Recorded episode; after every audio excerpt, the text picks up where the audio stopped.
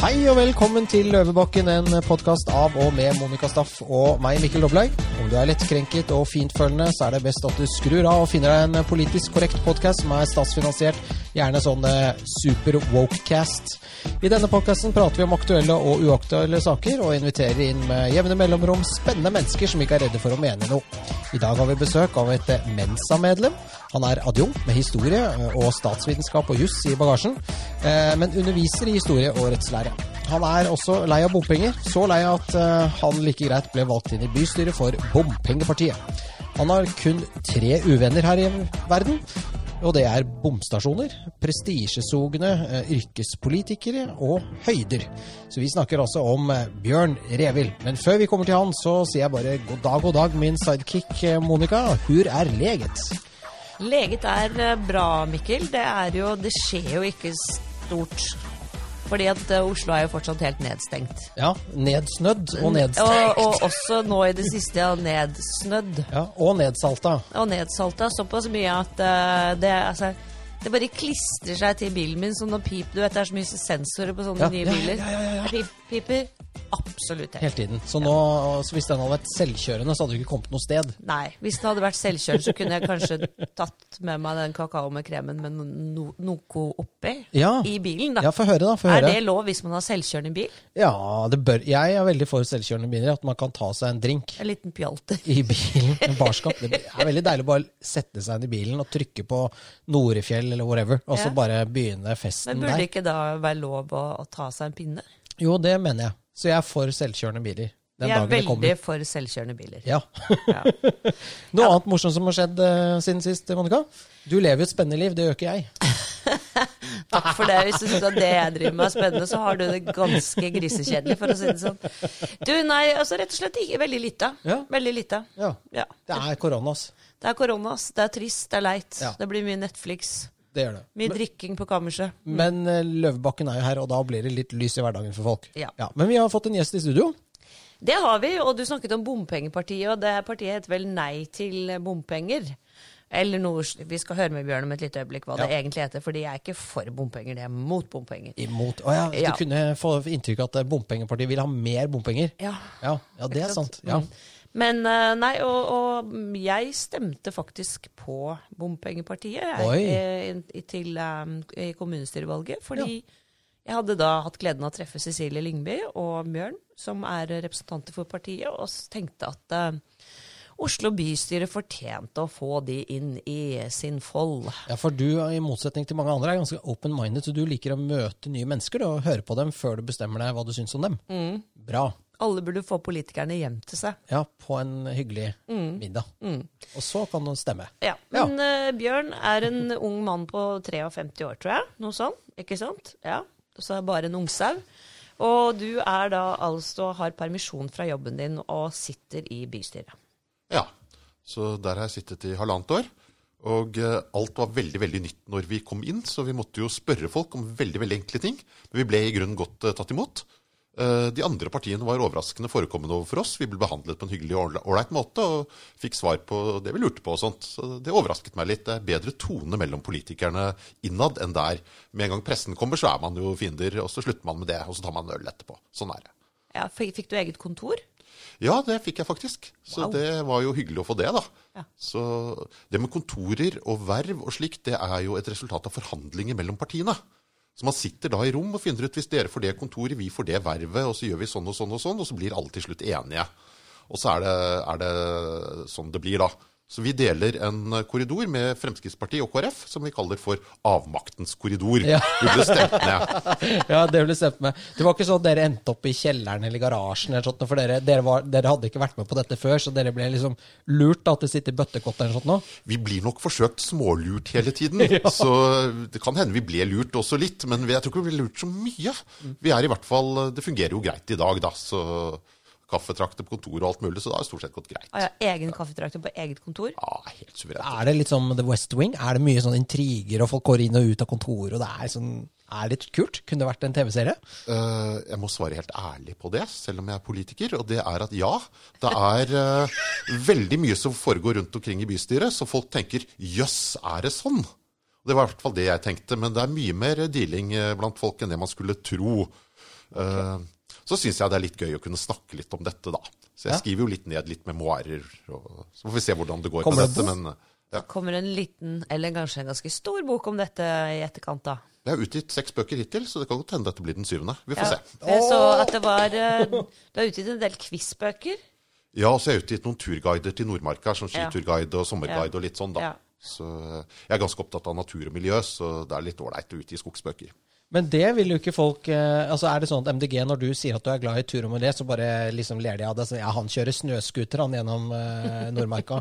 Eller liksom har de fått aksept for at du kanskje er glad i natur, du òg? Nei, En ting jeg må nevne er jo det er alltid morsomt jeg sykler jo alltid opp og ned på bystyremøtene, og så kommer disse klimapolitikerne med bilene sine og parkerer under rådhuset. Så da vinker jeg til. Hei, hyggelig, hyggelig at du skal på møte også. Sånn er det. Det er ikke bare noe jeg sier. Og jeg har jo veldig, veldig eh, tanke for Nordmarka. Eh, Det var et voldsomt flott kulturminne som het Gamle gruvevei, som ble ødelagt for et halvt års tid siden. Det var en håndlagd vei som var 600 meter lang. Håndlagd steinvei som var over 200 år gammel. Den ble kjørt i filler av eh, Lan Marie Bergs bymiljøetat. Ja. De tok ikke hensyn til den i det hele tatt, og etter at den var kjørt i filler, så ble den dekket av jord og forsøkt tildekket. Eh, Naturvernforbundet reagerte på dette, og jeg reagerte på dette, og jeg har snakket en del med Naturvernforbundet om det. Det er miljøkriminalitet. Det er jo straffbart. Altså, Du går i fengsel som grunneier hvis du gjør det der. Og ja. gården din er sånn nå? Ja, ja, ja. ja. Dette var virkelig noe, noe som var flott, som var blitt eh, ødelagt. Så vi fremmet privat forslag om dette i bystyret, eh, og sa at dette måtte settes i stand. Og så godt som alle de andre partiene stemte imot, Det var vel KrF og Frp som støttet, så i hvert fall KrF støttet oss på det, men de andre partiene sa at eh, nei, dette var ikke nødvendig å gjøre. Så det er plutselig er det vi som skal ta vare på trær, natur, miljø osv. Det jo helt Og det er veldig veldig leit at vi ikke kan få støtte på sånt. Hvorfor er noen imot å sette i stand et ødelagt kulturminne? Vi foreslo også at eh, andre kulturminner av tilsvarende sak i Nordmarka skulle katalogiseres, og at man skulle ha bedre standarder eh, for skogsdrift, drift av eh, skiløyper osv. Alt sammen ble nedstemt i bystyret. Det er jo helt merkelig. Er det bare for at det er de, din idé og ikke deres idé? Eh, det kan være det, for det hender jo at vi foreslår ting i bystyret. eh, Så kommer et annet parti med et forslag som er bitte lite grann forskjellig, og så blir det forslaget vedtatt isteden. Typisk er det hvis vi foreslår 100 000 kroner til et eller annet godt formål, så får vi det nedstemt. Så kommer et av byrådspartiene og foreslår 90 000 kroner til det samme formålet, og så blir det vedtatt. Ja. Jeg syns det er litt barnslig måte å drive politikk på. Jeg syns man skal stemme for det man er for, og mot det man er mot, uansett hvem som har foreslått det. Helt enig. Mm. Alt annet er bare dritbarnslig. Og, og, og waste. Altså kaste bort tiden på å holde på sånn, da, gitt. Ja, det er barnestek. Det var Men, sånn men i kommunestyret hos meg også. den der eh, Ja, det er jo hårreisende. Ja, jeg husker at jeg leste om det. Og så tenker jeg, hvorfor altså, Er de så historieløse i utgangspunktet at de ikke skjønte at de ødela et kulturminne, eller var, skjønte de det, men dreit i det? Jeg har gått mye rundt i Nordmarka i år. Pga. korona så har meg og dama drevet med turorientering. Så vi går og tar poster overalt. Så ser vi hvordan ting er andre steder. Og det er ikke den eneste ødeleggelsen av den typen vi har sett. Vi har sett tilsvarende ødeleggelser hvor flotte stier har blitt måkt i filler med, med gravemaskiner og alt mulig. Og vi skjønner ikke hvorfor det pågår. Vi stilte til og med spørsmål til byråden om det. og sånn. Vi skjønner ikke hvorfor man gjør dette. Hvorfor ikke ta bedre vare på Nordmarka? Det er en viktig skogsområde for mange. Men jeg, jeg, jeg, jeg sånn Men er det da forskjell på Ja. hvordan de tar vare på Nordmarka og Østmarka, eller er det samme dritten overalt? Uh, jeg tror ikke det er noen forskjell, eh, forskjell på det. Eh, det er det ikke, men det virker som de har liten kunnskap eller forståelse med hvordan man skal ta vare på natur- og miljøområder. Ja, Det handler om hva du ser. Altså Dette er jo den klassiske slippe elefanten, eller oksen inn i porselensbutikken. Altså, Det er elefant. du-. Ja, liksom, når du kjører eh, Er du entreprenør og kjører gravemaskin, og aldri har hørt om et kulturmille eller sett et kulturmille eller i det hele tatt minne Forstå Hva? Kulturminne? Ja. Da Du forstår snakker bare vrøvl. Hva, men- hva mener du? Du sitter Kulturmiddelet. Middelet? Ja. Jeg jeg har fått smak på den drinken din. Da ble jeg litt sånn der uh, nummen i munnen. Jo, så uh, forstår man jo ikke hva man driver med. Dette, altså jeg eier 19 fredebygg, så jeg vet uh, mye om dette her med snekkerier og slikt, som bare river ting og kaster ting uten å helt tenke over at det der eh, skal du ikke drive med. For å si sånn. Så det, det handler om utdanning. Jeg fikk høre fra en av de i eh, Naturvern, Naturvernforbundet Ja. eh, at det tidligere var bedre kursing av de som faktisk jobbet i skogen for Bymiljøetaten, men at den kursingen har blitt redusert under sittende byråd. Jeg vet ikke om det er riktig eller galt, men jeg vet at jeg har hørt dette fra noen som kan mye om dette. da. At det er rett og slett kursing av ansatte også dette går på. Så Det var litt det vi ønsket å skape oppmerksomhet rundt dette. Jeg tror ikke det kulturminnet kan reddes, men det er andre kulturminner i Nordmarka. Og det er andre kulturminner i skogsområdene rundt Oslo som burde vært tatt eh, bedre vare på. En av tingene jeg fant ut etter å ha drevet med turorientering, er at det er 350 tidligere hoppbakker i Oslo kommune. Wow. Hvem skulle trodd det? Ikke det. Det er jo flere. Altså, det ligger en liten en på siden av ikke sant, ved Tryvannskleiva der. Ja, Det er fire stykker nedenfor eh, parkeringsplassen på Tryvannskleiva, der russen er. Ja. Og Heming lagde turorienteringsløype med 15 eh, hoppbakkeruiner i nærområdet rundt Tryvann, som du kunne gå og ta poster på hver enkelt hoppbakke. Det ligger jo en til og med i Tøyenparken ved Olav Narr, hvor det har vært arrangert hopprenn. Så jeg har funnet gamle bilder av hopprenn i Tøyenparken.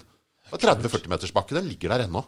I love it. Jeg, dette elsker jeg. Det er så kult å bo i byen og ikke vite sånt. Ja. eller det er ikke kult å ikke vite, men det er kult å få vite det. Ja. Jeg er helt enig.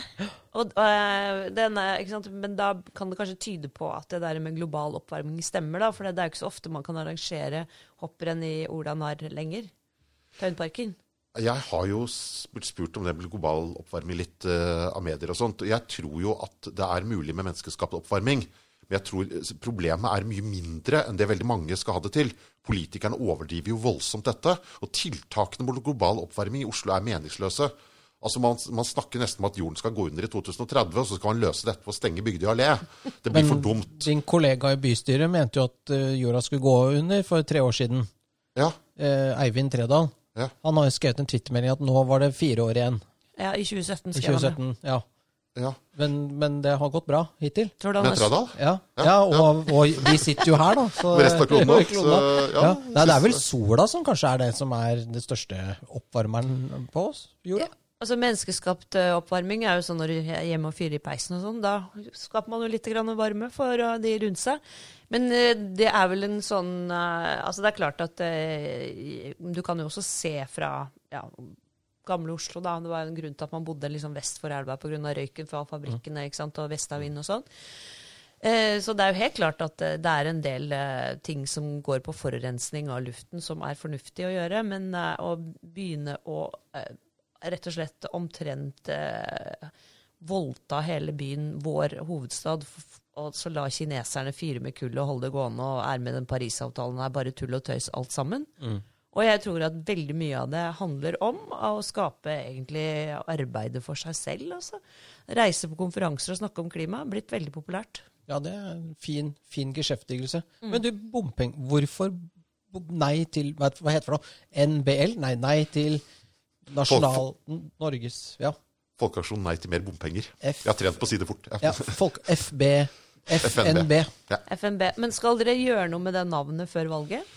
Eh, Ja, vi blir jo ofte spurt om det, og vi er jo mot alle bompenger. Altså, Vi vil ha dette vekk. Veiene er for lengst nedbetalt av Oslos eller Norges bilister. Og at man skal ta, betale en gang til for veier man allerede har betalt både to og tre ganger, det syns vi er ganske meningsløst. Vi vil ha alle bomstasjonene vekk. Men hvis du skal endre et partinavn i Norge, så må du sannsynligvis ha 5000 nye underskrifter. Og det er litt slitsomt å, å skaffe det, så derfor var det greit å ha det navnet, logo, forkortelse osv. inn mot valget. Så kan det hende det blir noen endringer på det eh, etterpå. Vi er jo ikke et ensaksparti. Vi har nesten 70 tillitsvalgte som er valgt inn i kommunene og fylkesstyret over hele Norge, som jobber med alle mulige rare ting. Annet bompenger og samferdsel er viktig. Men jeg jobber stort sett med skolepolitikk og den typen ting. Og andre jobber med andre ting. Så selv om bompenger og samferdsel er det viktigste for oss, så jobber vi jo med alt mulig annet. Og Derfor så hadde det kanskje vært bedre å ha hatt etter hvert et navn som er litt mer eh, generelt, da.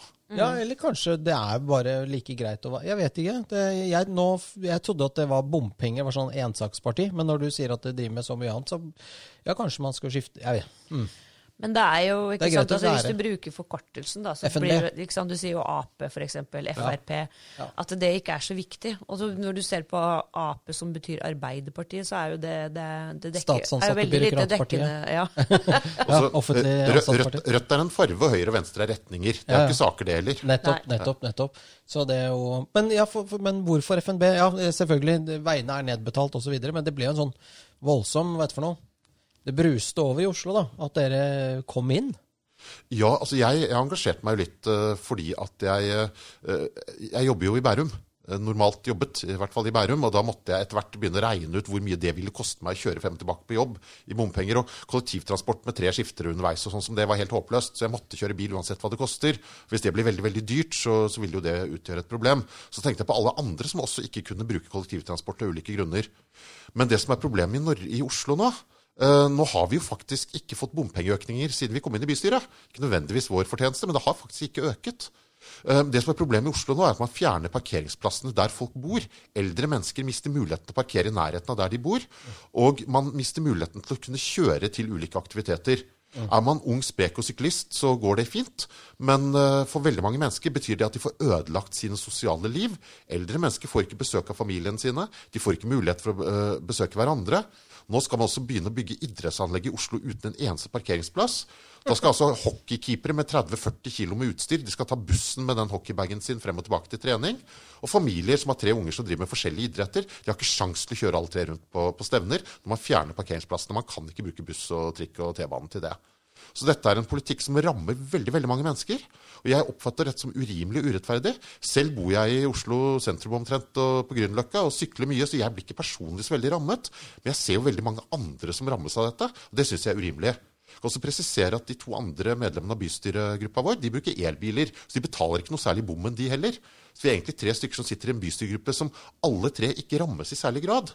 Men vi ser det er så urettferdig at vi kan ikke sitte og se på det likevel. altså tåler ikke så inderlig venn den urett som ikke rammer deg selv, for å si det sånn. Ja. Nei, det kan ja. du sikkert sies slik. Det var vel Bjørnson eller ja. lignende som sa det? Ja, ja, ja. ja. Det var, var det en nord... Um, en av de der. Du skal ikke tåle så venn. Det er uh, han, som, han som døde i som? Nei, nei, nei, han døde Nordahl Grieg? Nordahl Grieg. Nordahl Grieg. Døde, døde i flystyrt over bombing i Berlin, eller hva det var for noe. Ja. Jo, en men, ærefull En ærefull død. Men, men, men, jeg tenkte på det er jo det som er spennende, at nå, nå sitter vi liksom bom, Jeg hadde liksom gjort masse talking points på bompenger og sånn, og så OK, da har det skjedd noe nede i brunosten. da, Det er nye ting. Nye problematos. Ja, ja, men du kan si det, det, dette med, med, bompenger og den liksom urettferdigheten som du snakker om, og, det, og, og, da igjen over til dette med parkering og disse som kaller seg Miljøpartiet De Grønne tar ned trær, sånn som de gjorde der nede i Klingenberggaten, øverst ved Saga kino og Klingenberg kino der. Mm, så vi fikk sånn betonglandskap. Det, altså, det, er, det, ser så jævlig ut. Det ser ut som det er liksom et eller annet sånn der nitrist sånn der østblokkby hvor de har liksom lagt asfalt på absolutt alt. Mm. Jekaterinenborg. Ja, for eksempel. ja. Uh, så, så, og som du, som du, sier, de ødelegger kulturminner i Nordmarka. De driter i å lære opp de som kjører traktor og, og, og hogstmaskiner inne i skogen. For, for liksom sånn, hvordan skal vi kjøre, hvordan skal man liksom te seg, hva er, hva, hva er et grantre? Mm. Hvordan ser det ut? Altså, det er jo bare tristesse over det hele, og så er det bare tvang. Det er bare pisk. Mm. Er bare det liksom. Er det barnehagen som har fått lov til å styre barnehagen? Barna, er det litt sånn? Barna får lov til å styre barnehagen, og de voksne har reist hjem? Jeg vil bare si at jeg vil helst ikke oppfattes at jeg kritiserer de ansatte i Bymiljøetaten. Altså. Jeg er overbevist om at jeg er flinke, flinke folk som ja, ja. Eh, gjør så godt de kan. Men jeg ser jo litt på mange av de som sitter i bystyret. Det er noen uh, veldig veldig flinke mennesker. I flere partier har dyktige, ordentlige, ordentlig bra mennesker. Mm. Uh, høy utdanning og god bakgrunn. Men så er det litt for mange som er litt unge, ikke har all verdens verken yrkes- eller utdanningsbakgrunn, og voldsomt bestemte meninger uh, om hva som er riktig og hva som er galt, og gjerne utstyrt med to munner og ett øre. Hva er det, det sier? Der. Tomme tønner rumler mest, er et uttrykk. Mm. Ja. Og en av tingene som plager meg litt med politikk, var at jeg trodde det ville være mer diskusjon og konsensus. Altså Jeg trodde det var mer at politikerne snakket seg frem til fornuftige løsninger. Og det gjør man i mindre norske byer. Eh, fordi da har man noe som heter formannskapsmodellen, som gjør at alle partiene deltar litt i styret, ut fra hvor store de er. Mm. I Oslo så er det slik at uh, så godt som alle viktige avstemninger skjer med 31 mot 28 stemmer. Uh, Dagsavisen skrev om det i første, første budsjettbehandlingen i Oslo bystyre. Vi andre kan mene hva vi vil, men fire partier snakker sammen. og Da gjør de akkurat som de vil. Så dere de sitter i den gangen deres borti der og har ingenting Ja, dere bare er med på lasset? Ja, og det er en dum måte å styre på. Fordi, at, eh, fordi at det betyr at de partiene som styrer, de har i prinsippet et fireårsdiktatur. Altså byrådspartiene pluss Rødt. Og Rødt støtter alltid byrådspartiene når det gjelder, selv om de har litt markeringssaker iblant. Så Derfor så er det i prinsippet at du velger noen som styrer for fire år, og de gjør i prinsippet hva de vil i de fire årene. Det er ikke sikkert at det er den beste modellen i et demokrati, som ivaretar mindretallsinteresser også. For i Oslo er det kun flertallsinteresser sannsynligvis som ivaretas, mens veldig mange mindretallsinteresser blir direkte overkjørt. Mm. Menneskelige hensyn tas ikke i så stor grad som det burde. Man tar hensyn til store visjoner en gang i fremtiden isteden. Mm. Og det er jo snakk om altså det, Jeg så det var en som var eh, styreleder i et borettslag på Rødtvet, hvor de har fått datt eh, masse parkeringsplasser bort. Og, og, så, og så, så jeg han av Gjermstad, han byråden. Ja. Eh, fordi han eh, fra Rødtvet sier at vi hadde en høring her i, i, liksom lokalt, og det var, alle var mot dette lokalt.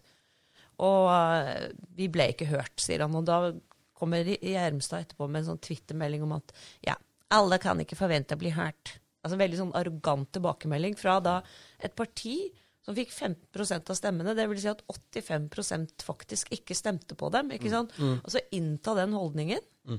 er, er for meg arrogant. helt uforståelig. Men det er, som du sier, de gjør jo hva, hva de vil. Det er jo det de sier òg. Ja, dere kan mene hva dere vil, men vi gjør som vi vil. De tar ikke hensyn, de konsekvensutreder ikke ting.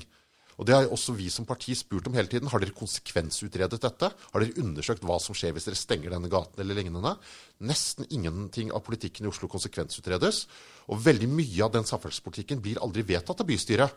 Fordi istedenfor å vedta store, samlede planer som gjennom bystyret, så vedtar man kvartal for kvartal, vei for vei, bygning for bygning. For da blir det så lite at man trenger ikke et bystyrevedtak eh, ja, på det. Så Oslo blir ødelagt bit for bit. bit, for bit. Ja, jeg bare husker i sommer jeg, jeg, jeg måtte le. Jeg kom nedover Bygdøy allé. Da hadde de ja. jo til og med sperret for busser og sånn. og Da, da sto den bussen eh, oppe i gata. Han bussjåføren han gikk ut av bussen, gikk ned på 7-Eleven, kjøpte seg en iskrem og gikk opp igjen i bussen.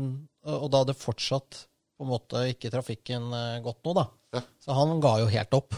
Mm. Det var, det var kaos der i sommer. Ja. ja. og det er jo altså, Framtidens Frogner velforening. Ja, de var jo her. Ja, Hanne ja. Mustad, som eh, er med i den foreningen, var her hos oss, og vi snakket om det. Og had, i etterkant så har jo de eh, samlet inn penger. Jeg har vært med på pitch-in der. Mm. Jeg bor ikke i Gyldenløves gate, men det er jo en snakk om en eh, altså, helt utrolig overkjøring av mm. en bydel med 66 000 innbyggere. Altså en velvoksen norsk by skal ikke få lov til å bestemme selv ikke sant, i forhold til parkering og gater. og Sånn som Kolbjørnsens gate, som nå er tatt. ikke sant? Der er det jo han eh, som drev den eh, grønnsaksbutikken på hjørnet der. Mm. Måtte jo bare flytte, for det startet jo med at han ikke fikk varelevering. De fikk ikke lov til å stoppe der. Nei. Så bare helt fullstendig galskap. Mm. Ser veldig fint nede ut ved rådhuset, Kvadraturen der òg. Det er jo dødt. Ja. Men uh, poenget var at disse, Sans, ja. Ja, de, de, fikk da engasjert uh, advokatfirmaet Sans, som gikk til statsforvalteren, altså dvs. Si fylkesmannen, for det er litt lettere forståelig, mm. uh, for å se på nettopp på dette med den saksbehandlingen du snakket om, at man kan ta det liksom i sånne småbolker for å slippe å ha det opp på et mm. høyere plan i bystyret for å Et slags gå under radaren-opplegg. Mm. Det er jo omgåelse av forvaltningsloven. Det er på en måte du, du, du, Det er juks, da. Ja. Eh, og det er jo antageligvis ikke lov, det de har gjort, da. Nei, jeg tror ikke det er lov. Nei. Derfor vårt oppgave som parti også er å komme og si hør her, dette må dere konsekvensutrede. Dere må fortelle hva som er virkningen av politikken deres.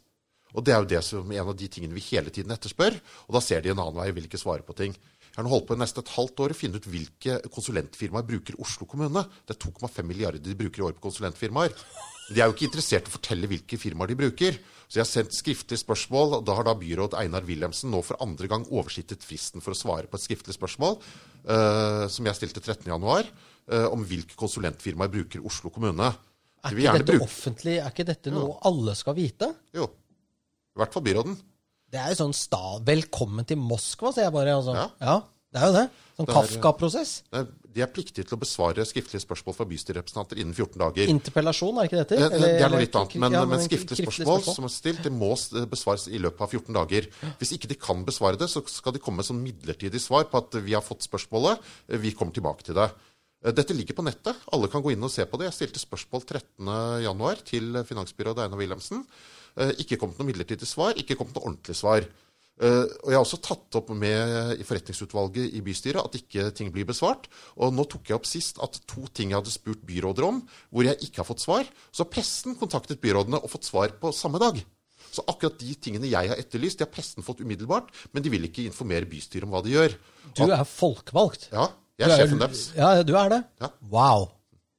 Jeg visste ikke at det var sånn. Nei, det er rett og slett uh, veldig veldig tvilsomt. og rett og slett De feier under teppet, og de er livredde for at bystyret skal gripe for mye inn i tingene. For dette er ting vi har krav på å få vite. Jeg har krav på å vite hvilke konsulentfirmaer Oslo kommune bruker 2,5 milliarder på.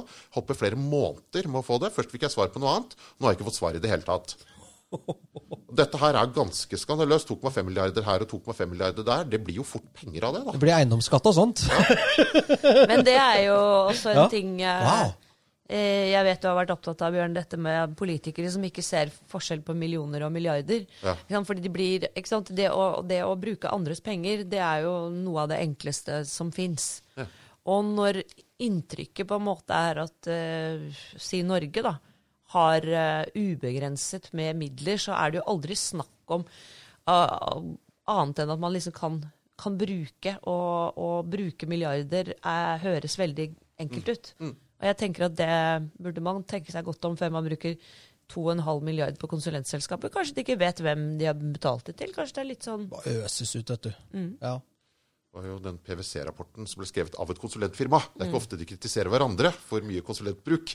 Men eh, PwC-rapporten som handlet om Energigjenvinningsetaten, som var grunnlaget for den mistilliten mot, eh, som ble fremmet mot LAN, så sto det jo også om at det var, eh, man hadde gått langt utenfor rammeavtaler og lignende. Og man ansatte ikke folk med den kompetansen man trengte. Og så brukte man isteden konsulenter som ble leid inn. De ble da leid inn på relativt kort varsel, og så må de da skiftes ut. Og hver gang de skiftes ut, så må du lære opp nye. Men er dette litt den der New Public Management-greia? For før så hadde du sånn kommuneingeniør. altså det, Da lå vel mye av kompetansen i kommunen. Og så har det på en måte blitt outsourcet, da, for det skal liksom være så effektivt. Vi litt, eh, kan det være noe av det? Det er mulig. men Byrådet snakker jo hele tiden om at det skal være faste hele stillinger i Oslo kommune. Og de er jo en skikkelig versting på det her med faste hele stillinger. Det er jo 2,5 milliarder i konsulent... eh, Altså 2500 millioner. Det er to fem med ni nuller etter. Og konsulent, og så snakker de om å ha faste stillinger. Kan man ikke ansette folk man trenger i faste stillinger, da? Jo, jo. Og så kuttet de, for å spare penger, kuttet de i talentsatsingen på matte i skoleverket. Ja. Det var et fantastisk kveldskurs som mange mange elever brukte, som var så ålreit. Og det gikk ikke veien for annen skolevirksomhet heller. Ikke sant? Det var kveldskurs de dro på. Og det var, jeg tror 400 elever eller noe som gikk på det. Det kosta 1,8 millioner. I kommunal sammenheng er ikke det mye. Det kuttet man for å spare penger.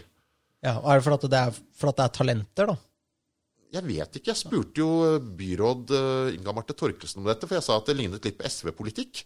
Da, da sa hun at det var ikke hennes avgjørelse, det var etaten hennes. Oh, ja. Fagfolk som hadde tatt den avgjørelsen. Da lurer jeg på hvem det er som styrer skolepolitikken i Oslo. mm, Hvis ikke hun kan si hvem som har tatt den avgjørelsen, så er det veldig rart. Hvis man er leder for en virksomhet, organisasjon eller bedrift, så er man ansvarlig for alle avgjørelser i den bedriften. Ja, på toppen, ja. Ja, ja, du har Man kan ikke peke nedover i systemet og si nei, dette er det noen andre som har gjort. Nei, nei. Og, og det er politikk. Da kan jo hun bare ringe og si eh, Jeg vet ikke hvem av dere som tok denne avgjørelsen, men vi politisk har besluttet at det skal det brukes penger på. Ha det bra. Klikk. Ja. Fix it. Sånn, sånn, sånn gjør man det i de private. Ja, ja. da, da blir det litt mer fart på sakene. Ja, ja, ja. ja. Men Yes, eh, det er vel mange av de du snakker om her som ville hatt veldig problemer med å klare seg i det private. De har måttet i hvert fall omstille seg ganske kraftig. Det er jo slik at en del av de som er politikere i Norge, de forblir politikere. Det er kanskje en grunn til det. Men, men altså, jeg, jeg liker ikke egentlig politikerrollen. Jeg mener at du skal jobbe og ha en jobb, og så skal du være en tillitsvalgt. Og så er du politiker en periode. Politiker skal være et tillitsverv, ikke en karrierevei.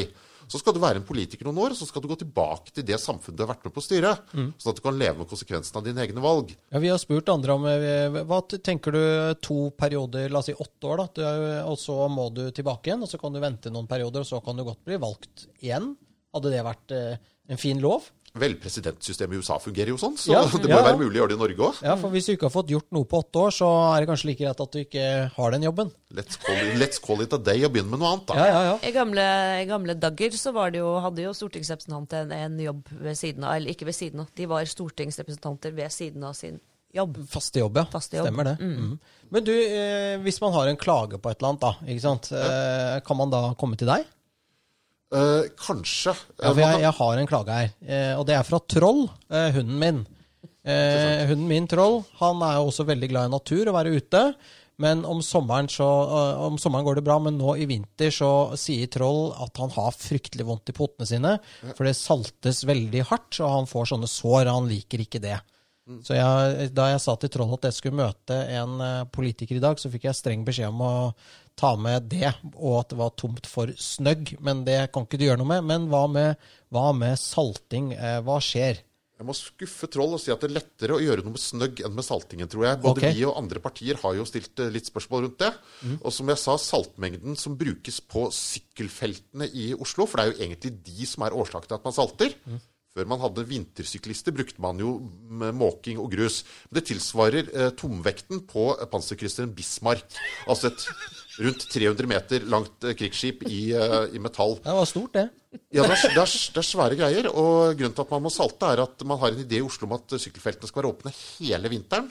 Eh, Man har ikke den samme ideen om fortauer og veier bestandig. De blir ikke alltid så godt måkt. Men sykkelfeltene skal holdes åpne. Det er veldig veldig få mennesker som sykler om vinteren i Oslo. Igjen, ja. uh, og det er en grunn til at det er en veldig dum ting å sykle om vinteren i Oslo. Det er, det er glatt, det er kaldt, det er motbakker. Det er ikke bra å sykle om er vinteren i det hele å Det ødelegge sykkelen din med alt det saltet òg, sikkert. Ja, og salt, Da kan du søke om å få en ny. Eller tilskudd ja. til en ny. Uh, Saltet ødelegger også parkene, saltet ødelegger bygningene, saltet ødelegger veiene, det ødelegger trikkeskinnene. Og den saltingen er ganske unødvendig. Hvis man ikke la til rette for den relativt lite, lille gruppen med vintersyklister, så kunne man måkt veiene og strødd med grus isteden, så ville de aller, aller fleste vært lykkelige. Men har du sagt det til dem? Eh, Ja, vi har tatt opp at eh, dette her er miljøskadelig. Og vi får til svar at ja, men vi prøver å bruke mindre salt. Og da hjelper det jo ikke at man prøver å bruke mindre salt, når tallene viser at man bruker mer salt. Men ja, altså, det, ikke sant, dette er jo helt altså, galskap. Vi sitter og hører det du sier nå. Det er galskap.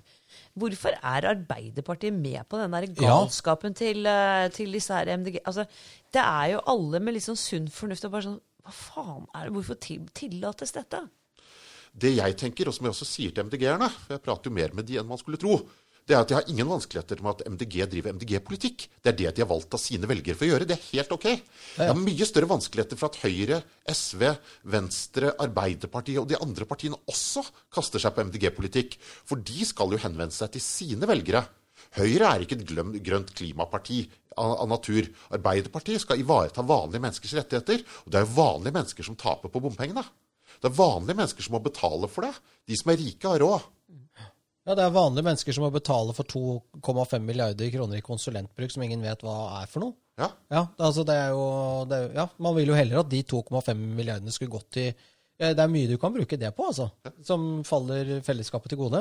Nå kommer jeg på en milliard til. Nå bruker Oi. man halvannen milliard på en ombygging av Hoffsveien. Som egentlig bare har den praktiske betydning at man flytter en trikkeholdeplass 150 meter. Det koster halvannen milliard foreløpig. Og så må alle andre offentlige utgifter, hvis du skal ha totalkostnaden, ganger du med pi.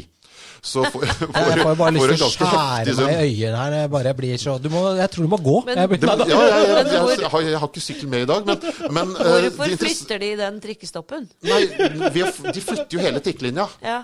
Og da kan de da bygge sykkelfelt der hvor trikken var, og så kan de fjerne parkeringsplasser der trikken skal. I tillegg så kommer trikkeplassen eh, Jeg vet ikke hvorfor, men selve trikkelinja blir jo lenger. Så for trikkepassasjerene blir det lengre rundtur. Det er er faktisk verre, det er verre enn jeg trodde, dette her. Ja. Det er nedslående. Ja, altså det, Jeg har ikke noe problem med å se at det sannsynligvis er enda verre også. De har jo 130, nei, 123 tror jeg, ansatte kommunikasjonsmedarbeidere i Oslo kommune nå. For å bortforklare all dritten de har holdt på med, antagelig. Hvis de hadde gjort en god jobb, kunne de klart seg med én. Ja. Ja. Han kunne kanskje vært på TV en gang i måneden for å bare bekrefte noen greier. Liksom. Bare bekrefte at det går greit. Ja, den måten ja, ja. Men uh, i tillegg så er det jo en del av disse konsulentene er jo kommunikasjonsfirmaer. Vi har jo klart å finne ut hva noe av det er, og vi har jo klart å finne ut hva konsulentfirmaene gjør. eh, Selv om vi ikke har fått navnet på alle sammen. Uh, Så har vi funnet ut Sveko er vel et konsulentfirma. Gode gamle Norton og Hill er jo leid inn som konsulentfirma og litt sånne ting som det. Men vi vil ha en total oversikt over det. Altså når man har 100 og fjaksen eh, kommunikasjonskonsulenter, hva skal man med alle sammen? Vi er et parti, vi er ingen. Nei, Vi snakker rett til mediene. prater godt for deg, du. Går bra hittil. Eh, Tusen takk, det var veldig pent sagt. Eh, Ja, men, Men- du, du er sterk og klar, da. Jeg syns jo at de fleste politikere bør kunne si noe uten å få en kommunikasjonskonsulent til å hjelpe seg. Det var jo en høring i forbindelse med LAN og disse 250 000 bruddene på arbeidsmiljøloven i Oslo kommune, hvor LAN hadde ansvar for noen titusener. Eh, da var det en høring, og når LAN skulle svare på dette Dette er filmet og lagt ut på TV. Da satt det én kommunikasjonskonsulent på hver side som hun kommuniserte med hver gang hun skulle svare. Det er ganske spesielt. Så sikker er hun på sin sak. Ja, så kom det en annen byråd etterpå. Tone Telvik Dahl, tidligere byråd. Hun svarte på alle spørsmålene. Ingen konsulenter. Nei. Tidligere. Hun har gått til det private. Men hun kunne svare på alt vi spurte om. Det var overbevisende. Lan måtte snakke med kommunikasjonskonsulenter og komme med oppleste svar. Du, Lan er jo gift med vår, vår favoritt Eivind Tredal. Ja, vi er veldig glad i Eivind. Vi Vi, er har faktisk veldig- litt lyst til å ha han her på pod, men vi er litt usikre på om han tør å komme. Vi skal snille med han, men ja, sorry. Ja, nei da, jeg bare lurte på er han, han har en eller annen jobb på rådhuset nå, har han ikke det? Eller et eller annet? Eh, Tredal er nestleder i et eh, utvalg. Eh, Hvis du er nestleder i et utvalg, så har du en årslønn på 950 000 cirka i Oslo bystyre, men han representerer det for MDG, så det er helt greit. Ja, ja. Jeg vil bare nevne det med Lan og Eivind Trædal også, at vi er jo ekstremt uenige med de politisk, Mm. men både jeg og vår bystyregruppe er veldig opptatt av at vi skal ikke drive personforfølgelse eller trakassering av politiske motstandere. Bra. Eh, og eh, vi liker ikke at Lan og Trædal blir utsatt for den typen ting. Vi skal gå knallhardt på den politikken de fører, men de skal ikke trakasseres for at de følger den politikken de er valgt på. Det har de full anledning til. Det respekterer vi. Men eh, så Derfor liker vi ikke at de hele tiden blir hengt ut for ting på nettet. Det syns vi er unødvendig, og det vil ikke vi bidra til. Nei, det skjønner jeg veldig godt. Det er veldig Men, eh, rent i travet, da. Dere som da i tillegg er liksom kanskje den sterkeste opposisjonen til deres politikk, da. Ja. Ja. Men du kan si at veldig mange ganger når, eh, når Tredal blir hengt ut på nettet, holdt jeg på å si, så har han startet den ballen selv med en eller annen superusaklig Twitter-uttalelse. Så der må man ta masse ansvar selv også. Ikke sant? For hvis du vil ha det ryddig, så må det være ryddig selv. Ja, Eh. og det er jo det som er forskjellen på en del andre politikere som ikke ender opp i sånne jeg kaller det gjørmebrytingskonkurranser i trauet på, på Twitter, da, for å si det sånn. Det er jo veldig mange andre politikere som aldri eh, ender opp i sånne, eh, hva det for noe? sånne eskapader, da, for å si det sånn. Men, men jeg vil tenke på, du snakket om at det var god tone. Hvordan, hvis du skal få igjennom noen av din altså Hvorfor gidder du dette her hvis du nå har forvist borti et kaldt hjørne med litt lavere temperatur? eh, på en korridor der dere ikke har noe dere får gjort i fire år. Får du gjort noe? Føler, føler du at det er verdt det? Nei, altså Opposisjonspolitikk er jo mye vanskeligere enn posisjonspolitikk. Men det vi bidrar til, er å skape oppmerksomhet rundt mye av det som går galt i Oslo. Vi sier 'hør her, dette er en dårlig løsning', 'dette er ulogisk', 'dette er absurd'. Vi får mye medieoppmerksomhet. Eh, Vi klarer å, å få ting frem, og vi tror vi påvirker systemet. Fordi at det er vanskeligere for systemet i Oslo å gjøre ting og få det til å gå under radaren. Når vi sier fra at 'ei, dette skjer nå'. Så det å skape oppmerksomhet rundt ting, det å foreslå fornuftige ting for å se hvordan de andre partiene reagerer på det, og kanskje påvirke hvordan de andre partiene tenker. Mm. Det var lettere før koronatiden, for da kunne vi gå fysisk rundt på rådhuset og snakke med folk og skape, skape flertall for ting. Og det hender vi er en del av et flertall, for all del, altså. Vi klarte å bli en del av et flertall eh, og reddet uh, skøytebanen oppe på Valle Hovin. Da var vi et flertall mot byrådet. Da var det alt fra Rødt til Frp til oss til Høyre til Venstre osv. Så, videre, så klarte vi å få til det. Eh, vi, har, eh, vi var på vippen når det gjaldt Ullevål sykehus. Da gikk vi for å redde Ullevål sykehus. Og det har vi holdt på i halvannet år nå, sammen med en del andre partier. Senterpartiet har vært veldig aktive i den saken. Nå har også Arbeiderpartiet snudd og sagt at det de har ment om Ullevål sykehus de siste to årene, det var bare tull. Nå er de tilhengere av å bevare det likevel. Og det er også ganske interessant. Innrømmer de feil, eller er nei, de gjør sånn ikke feil. Nei, de gjør- Så de slipper å innrømme feil i Arbeiderpartiet. De gjør jo ikke feil. De skifter ikke mening heller. De mente bare noe annet enn det de gjorde sist. Og de har eh, en gang også stemt med byrådet. Nei. Jo, det har vi gjort to eller tre ganger. Eh, blind høne osv.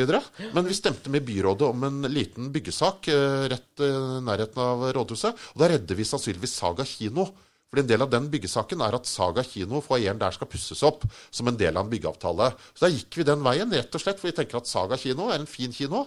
Eh, og da fikk vi en del av et flertall. Det var litt morsomt. Det er jo utrolig Og det var en sak til, sa du? eh, som jeg ikke kom på i farten. Nei. Så, men jeg tenkte på denne saken oppe på Har du fått med deg der oppe på Holmenkollen tennisklubb? Ja, Bautatomten. Bautatomten. Har du, har du fulgt med litt på den? Ja, jeg er jo, som jeg nevnte før, Marka-bokforfatter, så jeg er jo veldig glad i Nordmarka. Men her skal man altså bygge et fantastisk flott tennisanlegg eh, i en veikant. som ikke brukes til noen ting. Det er bare kratt der, er ikke det? Ja, jeg bare tull. Og så ligger det pælmende søppel inni der, og det er fint at noen rydder opp. Ja. Men av en eller annen grunn så har byrådet funnet ut at uh, vestkantungdom som spiller tennis, er jo åpenbart ikke noen god idé. Og det, så vidt jeg vet, så er det også tennisklubben selv som skaffer finansiering og Ja, ja. alt mulig. Men av rent prinsipielle grunner så blir de blokkert fra å bygge dette tennisanlegget. Men tror du det er litt sånn av disse rike folka på vest... Tror du det er så banalt?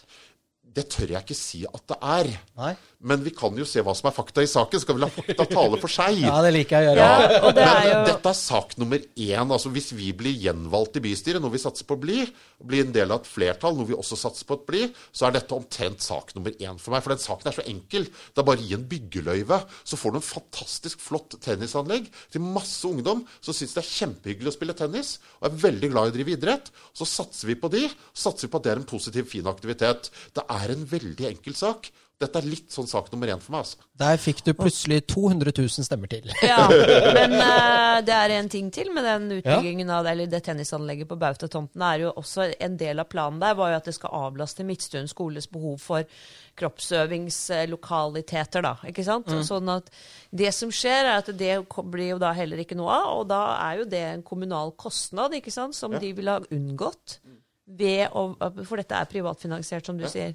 Så det er altså Det er så Det er hårreisende. sånn vinn, vinn, vinn, vinn, vinn, Ja, og, jo, og Holmenkollen tennisklubb har jo holdt på i årevis for å få til dette prosjektet. Ikke sant? Så trodde nå at de var liksom så langt fra mål, så er det bare Og alle de ressursene altså, altså, At ikke folk, at ikke folk liksom bare går helt fra konseptene og begynner å skyte vilt rundt seg. Altså. Jeg, jeg kjenner til mange av de som har jobbet Ja, vi er med det. ikke det er Trumps en, USA helt ennå. Nei, men, men du, du skjønner hva jeg mener. Man, det er jo en, en maktesløshet, da. Ja, det er Kafka igjen. Ja, man går i liten grad da, fra konseptene i den delen av Holmenkollåsen. Men, men jeg, jeg skjønner, jo, skjønner jo godt at Nei, jeg skjønner jo ikke hvorfor ikke folk blir mer forbanna. For her har de gjort en så fantastisk jobb. Ingen tar skade av at man bygger dette tennisanlegget. Det er bare positivt. Det er bare flott for alle. Men så skal byrådet da rent ideologiske grunner stoppe det. For det er ideologi som ligger bak mye av det byrådet gjør. Det er derfor de ikke ønsker konsekvensutredning av ting. De vil ikke tenke er dette et godt prosjekt? Tjener vi på dette? Er dette flott for folk? De tenker heller er dette i tråd med vår ideologi? Ja, Og når man skal konkurrere med ideologi, så nytter det ikke. Ja, det er farlig, det. Det er jo da det går gærent, er ikke det? Jo, ideologi trumfer alt. Ja. Ideologi trumfer sunn fornuft, i hvert fall på kort sikt. Ja. Ja, og så er det jo en veldig totalitær ideologi. Altså det er liksom jeg, det jeg mener, som er i et vel, egentlig veldig stort mindretall, er så riktig at det gir meg rett til å fortelle andre at de skal gjøre akkurat sånn som jeg sier. Er ikke det litt sånn diktaturopplegg? Det er ganske ovenfor deg. Ja. Nå kom jeg på en sak. Man var jo veldig sterk en periode. Man har gitt seg litt på det. På at man skulle tvinge folk på eldresenteret til ikke spise kjøtt. Man skal altså redusere kjøttforbruket på eldresenteret. Så voksne mennesker skal altså ikke få lov å bestemme hva de skal ha på maten. Jeg dør. Og en dør, politisk ideologi som bestem- sier at nei, du skal ikke få lov å ha det du vil på maten, fordi jeg vet bedre. Det er en politisk ideologi det er all mulig grunn til å være skeptisk til. Ja, ja, ja. ja for hva, what's next, liksom? Altså, man, Ja. tror, Ja. man tror jo at det er komikveld, ikke Ja, sant? men det er sant. Og så er det faktisk sant. Og, Det er jo farlig. Jo, for at det er liksom sånn Ja, men det er jo bare kjøtt. Ja. Men hva er neste? Ja, det er, Du får ikke lov til å ha på deg de klærne, du får ikke lov til å ha de meningene du får, Altså, det der er bare nå er det dette med fossilbilfrie soner i, i Oslo. Ja, nå skal de stenge bilen ute. Ja, Det er også Altså, det, litt er, spesielt. det er som en fjert i motvind, det de gjør. Ikke sant? På global basis. Men det er, altså, Det, det, det første de har, altså, de skal stenge det innenfor Ring 1 hensyn til støyplagen for de som bor der. Men ingen som bor innenfor Ring 1. Det er, det, er, det, er det, er, er helt ubebodd. Det er noen få, men det er ikke mange. Så det er noen få sjeler som bor der. Det blir ingen rolle for lokal støy for de. Nei. Og for meg som bor innenfor på Grünerløkka, har en helt alminnelig bil, skal jeg da få beskjed om at du får ikke lov å kjøre med den bilen du har kjøpt helt lovlig? Men, men tror du det her er mulig? Ja, men altså, Er det mulig å forby det, eller er, begynner vi å snakke om menneskerettighetsgreier og Strasbourg og altså, Er det her Er det gjennomførbart? Det er et problem. Altså, Vi sier jo fra, vi gjør hva vi kan. Det, det som fortviler oss, er hvorfor er det ikke flere som sier fra? Noen burde slått i bordet og sagt helvete heller. Altså, det, det, det er for få som protesterer. Og folk venter med å protestere til ting skjer akkurat der de selv bor. Folk burde protestert mye mer. helt enig. Og, du har, og så burde man gå sammen om å protestere. Ja. Sånn som den bautatanten. Det skjønner ikke jeg heller. Jeg vet at, eh, at uh, FAU og litt sånn på Midtstuen og de var, eh, var veldig aktive. Men altså, du kom jo ingen vei. Men det handler liksom litt om sånn kritisk masse. ikke sant? At du, Hvis du får med deg mange nok, og det blir nok bråk så, Men det er litt sånn dannet Litt sånn fransk Du finner ikke det på vestkanten. Så det er sånn dannet resignasjon. Å, søren tute, der ble det ikke noe av det. Ja ja, Tuten, vi får bare pakke i bilen og kjøre til Hjemstad. Helvete heller, vi spiller Vi bygger tennis i garasjen. Det er, ja, men det blir litt sånn der, for at det er bare flytte på hytten. ja, men Har du sett noen vest eh, gå i fakkeltog for noe som helst noen gang? Ja, nei. Nei, ikke sant? For at folk eh, de er ikke skrudd sammen sånn. Eh, av en eller annen grunn. Ja. Det er derfor man har den taktikken på at man ikke tar hele, ødelegger hele byen på likt. Man ødelegger kvartal for kvartal, for da slipper man å forholde seg til andre enn de som er i nærheten av akkurat det. Gyl- disse Gyldenløvsgate-menneskene som gjør en fantastisk jobb, men de står veldig alene. Ja. Fordi at de som bor to gater unna, de tar ikke tak i situasjonen. Ja, men når det kommer sykkelfelt i deres gate også, da vil de ta tak i situasjonen. Men Ja det er for seint. ja. Og nå er, det jo, nå er det jo i gang over hele byen, ikke sant? Altså, hos kjernevelgerne sine i Ullevål Hageby og liksom Ja, ja. overalt. Og da, jeg tenker at det, det Fortsetter de sånn, så blir det vel forhåpentligvis siste vi ser av de i, i et styrende ikke, byråd. Uh, Du skjønner det, Tutat. Nå har de tatt alle parkeringsplassene i Gyldenløves gate, skjønner de. Men vi bor jo i Odins gate, så det spiller jo ingen rolle for oss. Det er litt der. Ja. Men uh, Unnskyld, sorry. Ja, nei, men, men, men hva tenker du? Det er tre år til kommunevalget, er det ikke det? Nei, to? Tre? To og et halvt, ja. What's your plan? Nei, Foreløpig er det stortingsvalg om et halvt år. Ja, skal du inn på ting, eller? Nå leverer vi sannsynligvis listen vår i dag. Ah, Da er det Lyngby som står på førsteplass, jeg som står på andreplass, og så er det vår uh, vararepresentant Ali Abubaker som står på fjerdeplass. Hanne Haskel på tredjeplass. ja, bare kjøpe popkorn og se Så på. uh, vi gjør jo det vi kan for å prøve å bli valgt inn på Stortinget. Og uh, hvis alle som sier de støtter oss, støtter oss, så blir vi valgt inn på Stortinget opptil flere personer. Og det, da kan vi kanskje få gjort mer enn det vi får gjort i dag. Ja. det er Det Da får du din egen rådgiver. Det har alle på Stortinget. Fire kommunikasjonsbyråer. Ja da, Ja. Hvor fett blir ikke det, liksom? En Jeg er rådgiver. litt usikker på hvis, hvis, Hvis det blir valgt inn. hvis vi blir valgt, når, når vi blir Ja, valgt når- inn, så er det først og fremst for faktisk å få gjort noe. Det er liksom det det går på. Så får heller disse rådgiverne rådgi hverandre, men da er det Vi går inn, vi skal gjøre en forskjell for de som har stemt på oss. Ja. Det er det vi prøver å få til nå. Det er det de så alle sier. Ja. Alle sier det. Det er jo, det er jo en ekstrem uting, det, for dette dyret bare vokser og vokser. ikke sant? Altså Det er kommunikasjonsrådgivere. Det er, altså, altså, det er 169 stortingsrepresentanter, og så er det 169 rådgivere til hver. Det er hver. 1000 stykker som jobber på Stortinget. Ja. Som er knyttet opp til Stortinget. Ja, på en eller annen måte. Og dette bare vokser og vokser. ikke sant? Og disse NGO-ene som liksom knytter seg til det, og alle mulige organisasjoner, hvor de flytter liksom frem og tilbake mellom, mellom organisasjonene og inn i Stortinget, mer bevilgninger. ikke sant? Altså Det vokser og vokser. Dyrere og dyrere. Ja. Og mer og mer eh, avstand, da. Men, men jeg tenker dere går nå Dere går inn for the kill. Altså gå inn på tinget.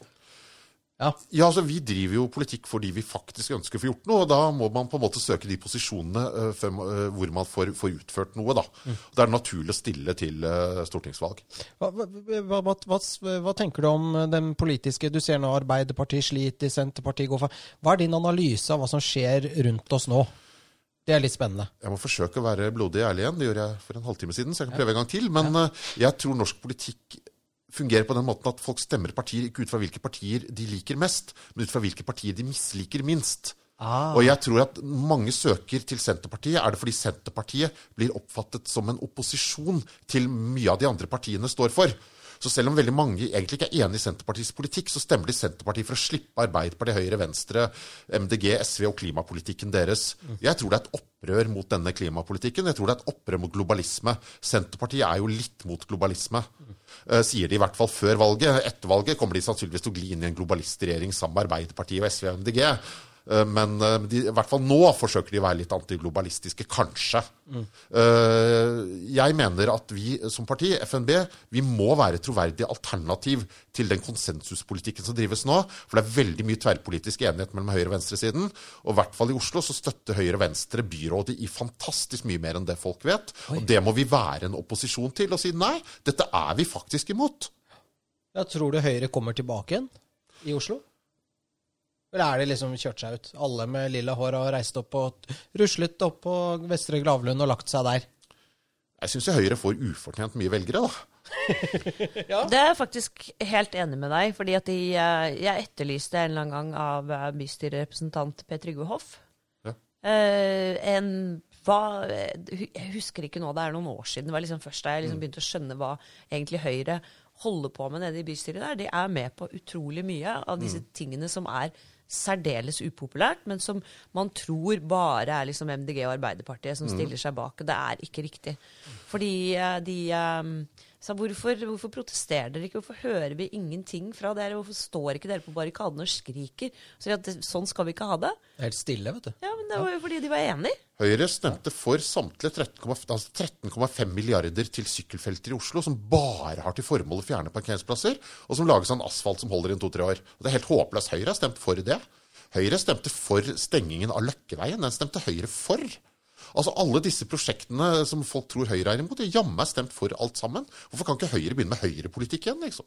Det burde hun eh, Tutta og han eh, Preben visst. Ja, ja, ja. Jaså. Kanskje de hører på? Altså, sier du at Høyre er sluttet? Er det Altså, ja, Ja, de, de, de vet det sikkert sikkert de ikke, for, det er sånn, for de kan ikke stemme Frp, for det er fiffig. ikke Ja, sant? det er sånn Og så er det ikke noe annet parti å stemme på hvis man er liksom eh, i pjoltermodus. Jeg har jo jo råd til bompenger, så jeg stemmer ikke på dem. Ja, men, Jo, men, ja. men Høyre har, helt enig med deg, ufortjent mange velgere som er litt bevisstløse. De tror Høyre er det Høyre var for ti år siden. Det er helt feil. ja, Høyre har forandret seg. Ja, Det er ikke sånn som det var eh, i Kåre Willochs dager. Ja, men se Så på, se kjører på de én sak for å late som de er bilvennlige, og det er den tunnelen på Røa som de snakker om i hver setning omtrent. Omtrent det eneste veiprosjektet Høyre får, er litt annet, men det er liksom den tunnelen på Røa. For Da bor det Høyres kjernevelgere som er lei av å stå i kø inn mot Røa-gresset. Og så går de inn for denne tunnelen på Røa, mens de går mot veldig mange andre prosjekter over hele, hele Oslo. Ja. Ja, Det er jo helt eh, Det er jeg, håper jeg mange eh, som blindt stemmer Høyre, hører på dette. Ja, det er faktisk litt sånn uh, beware, beware. Hvor, hvor finner vi informasjon? Det er bare fnb.no eller sånt noe? Altså det, har dere en egen sånn blad eller sånt noe dere sender ut? Uh, Det er menighetsblad? Nei, altså vi, vi har jo ikke alle disse kommunikasjonsrådgiverne som skal lage det for oss. Men der, der vi er aktive politisk, er jo at vi har en Facebook-gruppe for bystyregruppa. Og i motsetning til mange andre politikere, vi tar telefonen når velgere ringer. Vi svarer på mail fra velgere, vi svarer på det velgerne sier til oss på Face. Vi syns det er greit å snakke med velgere direkte. Det det syns jeg er ålreit. Hvis jeg velger å ringe meg, tar jeg fonden, altså. Så det er bare å sette på caps lock, boksehansker og begynne å skrive på tastaturet. Ja. Du, vi, sånn, vi begynner jo å nærme oss slutt der. Vi har jo en sånn eh, formål med Løvbakken. Jeg snakker snakke litt om, om ja, hva som gjør Norge til Norge, hvordan limet kan holde oss sammen. hvis det har snakket om Bjørnstjerne Bjørnson og Nansen, og, og på en måte hva som, hva som eh, det er, At vi ikke Og kong Sverre, som Sverre. talte Roma midt imot. midt imot. Og liksom, hva er det vi kan gjøre for å, for å fortsette å være et land i harmoni, da? Du snakker jo om at det er veldig harmonisk på bystyret. ikke sant? At vi, vi snakker til hverandre. Vi er ikke som USA, eh, delt i to leire, da, på en måte. Så, så vi lurer litt på om, ja, om du har noen tanker rundt det? Men Norge er som alle andre land. Alle land har gode og dårlige sider. Norge har en masse positive, fine sider som nasjon som vi bør ta vare på. Den equality-tankegangen vi har, hvor kongen tar taken og sånn, Ja. veldig bra. Ja. Det der at man kan liksom snakke med politikere på gaten, og, og litt den, den kulturen der. Og så må vi tenke at det er ikke flaut å være norsk. Det er liksom, Vi må være stolte av at vi kommer der vi er fra, og, og sånn som det, og det er veldig veldig bra. Så skal, er det ikke flaut å komme fra andre steder heller, men man må være liksom stolt av den man er, og den man, der man kommer fra. Norge er en gammel, tradisjonsrik nasjon. Vi går 1000 år tilbake til vikingtiden, så ble vi jo voldsomt respektert. Og nå er vi også en nasjon som på mange måter blir respektert av andre. Så vi skal være fornøyd med de vi er, og skal respektere andre fordi de er, tenker jeg da. Det er jo, ja, altså det vi tenker jo, Hvis vi ser på de store nasjonsbyggerne, sånn som Bjørnson da, og Nansen f.eks., så de var jo veldig altså Armenernes sak snakket jo Bjørnson om. Nansen drev med Nansen-hjelpen, eh, var med å starte forløperen til FN, altså mm. League of Nations i Genéve. Eh, han fikk jo passoppkalt etter seg. Ja, flyktning, Og opp- Opphevelsen av jødeparagrafen i Grunnloven, hvem var det igjen? Det var ve- eh, Wergeland. Wergeland. Wergeland, ja. Mm. Så alle disse var jo, selv om de var nasjonsbyggere og på en måte nasjonalister i den positive forstand, så var de jo også eh, orientert utover. Og jeg, mye av det lever jo videre kanskje i det engasjementet vi har i Norge i dag. Og det tror jeg er viktig. Men du som er historieinteressert, er det, hvem, hvem i norgeshistorien fra la oss si 1850 frem til i dag er liksom den viktigste for samholdet i Norge? Kongefamilien holder jo Norge sammen fordi at kongefamilien respekteres av alle. Sant? Andre eh, personer kan respekteres av noen, men kongefamilien respekteres mer eller mindre av alle. Samtidig så føler jeg at vi, vi hadde kanskje trengt en nasjonsbygger i Norge akkurat nå. Vi hadde trengt noen som hadde visjoner utover det eh, dagligdagse, og kanskje sett litt mer på hvordan skal vi gå inn i fremtiden. Ikke bare hvordan er det på neste kvartalsoppgjør eller neste valg, men noen med litt mer visjoner. Og jeg savner litt sånne folk i den politiske debatten, og jeg savner litt sånne folk i den kulturelle debatten. Folk som kan se litt mer overordnet, se litt stort på det, se på Norges plass i verden. Det mangler vi. Vi trenger en Nansen, altså. Men hvis du var det, hva ville du gjort da? Nei, jeg tror man skulle overlatt det til folk som har litt mer, litt mer pondus og kompetanse, kompetanse på det. Men jeg tror det vi skal få til i Norge, det er å være mer inkluderende. Norge er i ferd med å bli veldig polarisert. Med en gang noe skal diskuteres, lager man to skyttergraver. Og de av oss som prøver å stille oss midt mellom skyttergravene, vi blir puffet ned i den ene. Vi trenger mer Ja, for du må på en Ja. måte velge. Mm. Ja, Ja, ja det, og det er jo med alt. Med bil, med salt, med Ja. Ja, du kan ikke si at du er litt for elbil, liksom. Nei. Ikke sant? Altså at man, det er fornuftig kanskje med noe. Altså, vi har jo verdens største andel av befolkningen av Ja. biler av elbil. ikke sant? Så vi, vi er jo de flinkeste i klassen på det, rett og slett. Ja, altså, hvis, de hvis det er noe å være flink i, da. Det Jo, men jeg likte det. Bjørn sa, det med du har skyttergravene, så har du de som står i midten. Sånn, Jeg tenker på Kjetil Rollnes. Da. Han og Espen Goffeng står gjerne i debatten litt i midten. De blir skutt ned fra begge sider. Ja. Og så er krigen i gang, liksom. Ja, ja. Og begge deler er bare galskap på høyre altså, Ja. Eller høyre, venstre, opp og ned. Ja. Det spiller ingen rolle hvilken akse det er. da. Og når du sier at det er en god tone mellom politikere sånn generelt, og det tror jeg nok også på, for dere er jo mennesker alle sammen, ikke sant? så man kan jo sitte og sludre og le og drikke kaffe og prate piss. Eh, men sånn straks de da kommer i ja, så en journalist eller sånn som i debattene Så jeg blir så drittlei av å høre på sånn derre hakking. ikke sant? Altså De skal liksom skyte på hverandre.